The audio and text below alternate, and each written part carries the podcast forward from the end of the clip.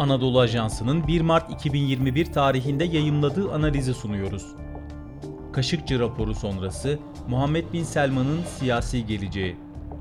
Yazan Necmettin Acar Seslendiren Sefa Şengül Trump yönetiminin ABD-Suudi Arabistan ilişkilerini ve özellikle de Veliaht Prens Muhammed Bin Selman'ı korumak için açıklamaktan kaçındığı ABD istihbarat birimleri tarafından 2 yıl önce hazırlanan Cemal Kaşıkçı raporunu Joe Biden Cuma günü nihayet açıkladı.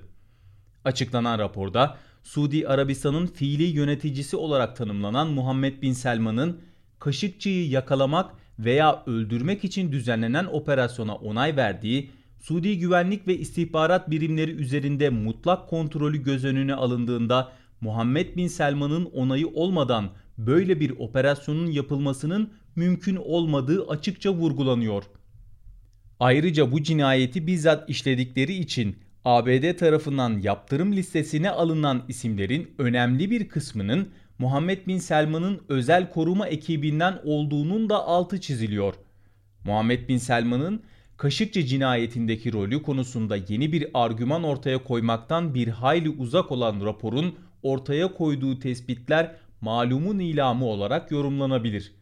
Ancak Muhammed Bin Selman'ın adının yaptırım listesinde yer almayışı Biden yönetiminin Veliaht Prens'in işlediği suçun bedelini ödeyeceğine dair söylemini bir nebze geçersiz kılıyor.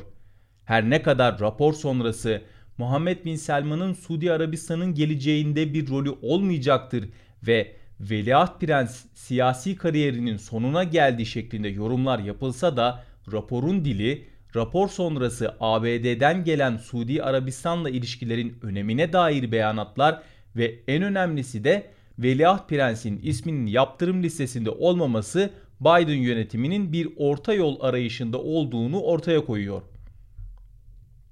Kaşıkçı raporu ve Muhammed Bin Selman'ın uluslararası meşruiyeti.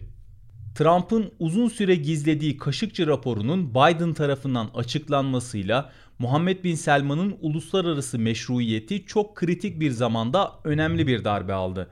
İlk olarak Muhammed Bin Selman'ın bu cinayetteki rolünün her düzeyde kabul edilmiş olması ülkenin uzun yıllardır iyi ilişkiler geliştirerek rejimin güvenliğini sağladığı Batı dünyasındaki ve yine uzun yıllardır liderlik iddiasında bulunduğu İslam dünyasındaki itibarını önemli ölçüde zayıflattı.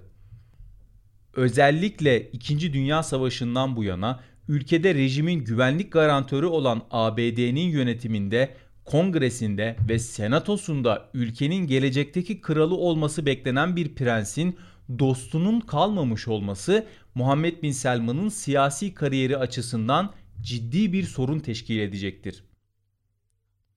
İkinci olarak bu raporun açıklanması babası Selman'ın ilerleyen yaşına ve Muhammed Bin Selman'ın ülke politik sisteminde artan gücüne de bağlı olarak Suudi tahtına oldukça yaklaştığı bir döneme denk geldi.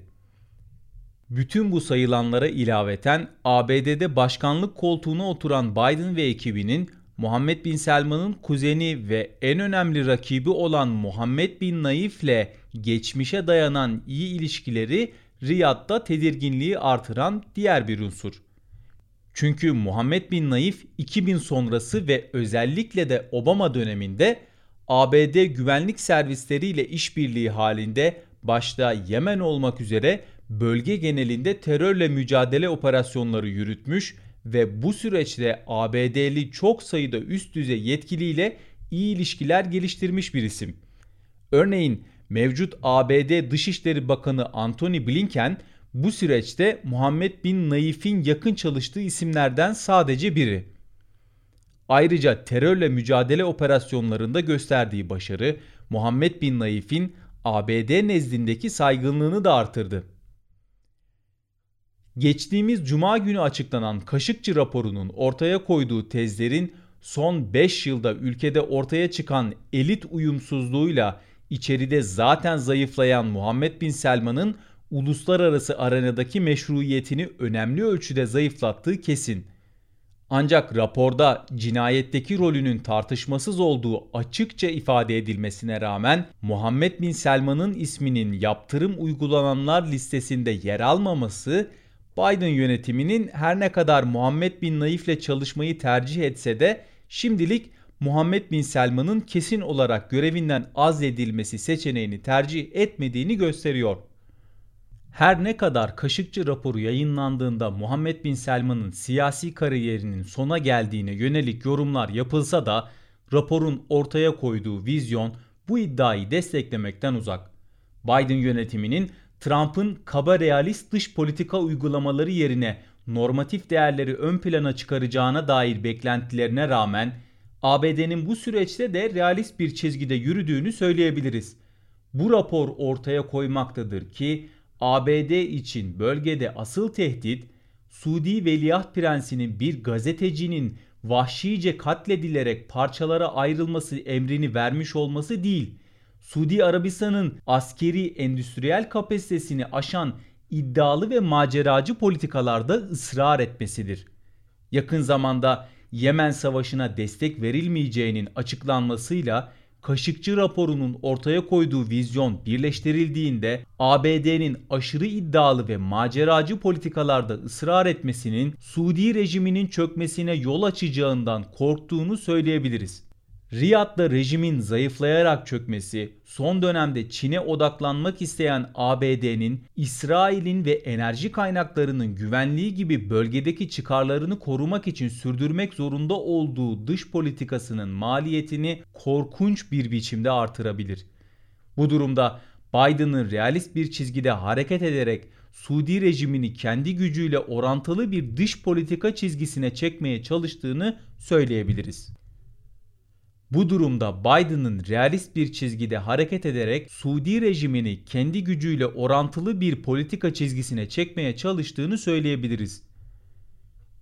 Biden yönetiminin şimdilik dış politikada insan hakları ve demokrasi gibi normatif değerlere Trump'tan daha fazla önem verdiğini söylemek mümkün.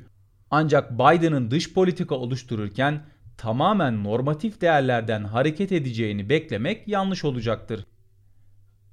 Kapak ve özet kısmını saymazsak iki sayfaya sıkıştırılmış olan ve yer yer muğlak ifadelere başvurulan Kaşıkçı raporu normatif değerleri önceleyen söylemin reel dış politika amaçları için bir kaldıraç olarak kullanılacağının ilk işareti gibi görünüyor.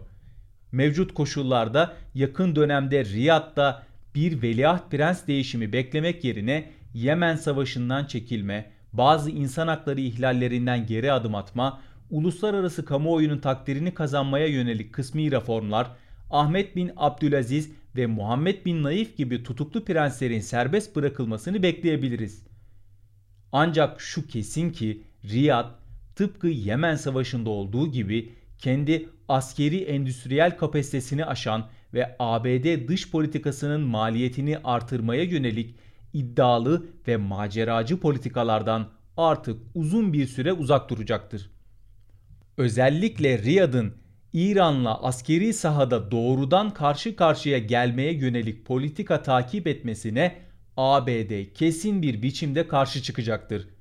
Son dönemde ABD'nin bölge güvenlik mimarisine bakışının en net ifadesi olan Obama'nın Suudilere söylediği Orta Doğu'yu İranlı düşmanlarınızla paylaşmalısınız sözü yeni dönemde ABD'nin bölgeye yönelik politikalarının doğrultusuna ilişkin fikir verebilir. Spotify, SoundCloud, Apple Podcast ve diğer uygulamalar bizi hangi mecradan dinliyorsanız lütfen abone olmayı unutmayın.